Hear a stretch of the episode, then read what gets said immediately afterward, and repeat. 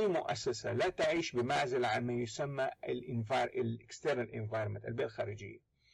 ومن هنا لابد من دراسة تلك المتغيرات ولابد أن تتعرف عليها وما هي مشكلاتها و...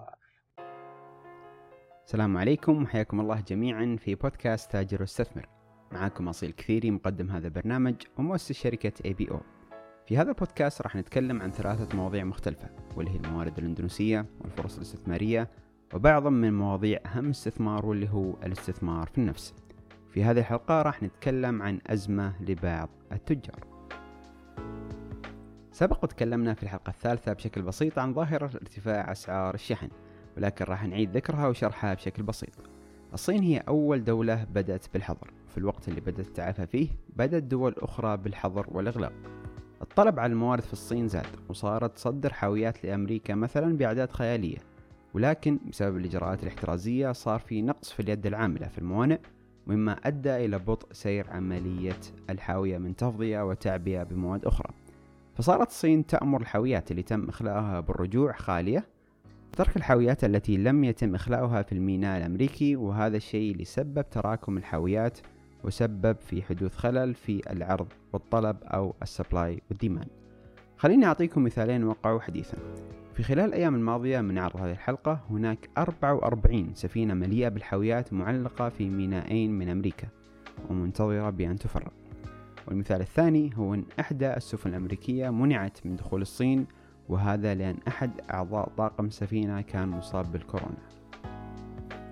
طيب إيش علاقة الشيء هذا بالتاجر والمستهلك؟ والعلاقة بشكل عام هي ارتفاع الأسعار. بهذا السبب قلت الحاويات المتاحة والعلاقة معروفة بين العرض والطلب في الاقتصاد. فكل ما قل العرض وزاد الطلب فهذه دلالة على ارتفاع الأسعار. وأسعار الشحن دائما ما تكون لها حسبة في وضع السعر النهائي لأي منتج البعض الحين منكم ممكن يسأل نفسه ويقول ليه ما نوقف التوريد ونعتمد على المنتجات المحلية؟ وهنا حبيت أوضح أن حتى المنتجات المحلية لها قابلية في الارتفاع. وهذا لأن الكثير من المنتجات تكون موادها الخامة مستوردة من الخارج. فيصعب على الجهات المنتجة في إنتاج مواد محلية بنسبة 100% بعض التجار يرى بأن الأسعار في موطنه لم ترتفع وأن كل شيء على ما هو عليه. وجوابي هنا هو أنك تصبر وراح تشوف الارتفاع. السبب وراء عدم الارتفاع هو أن الموردين لديهم مخزون عالي من بعض المواد ولهذا السبب ما تأثروا بهذه العوامل. أو أن بينهم وبين المصدرين في الخارج عقود على تزويدهم ببضائع معينة بسعر معين لمدة معينة. لكن مجرد ما ينتهي المخزون أو العقد ستلاحظ الارتفاع. الأمر المكرر بالنسبة لنا كموردين أو وسطاء تجاريين هي أن كثير من التجار يدرس أسعار بضائع في سوقه الحالي أو السابق. ولا تكون عندهم رؤية وتحليل الأوضاع الراهنة وتأثيرها على ال supply chain أو سلسلة الإمداد. وهذا الشيء اللي راح يأخر التاجر في الاستيراد ويجهده في البحث.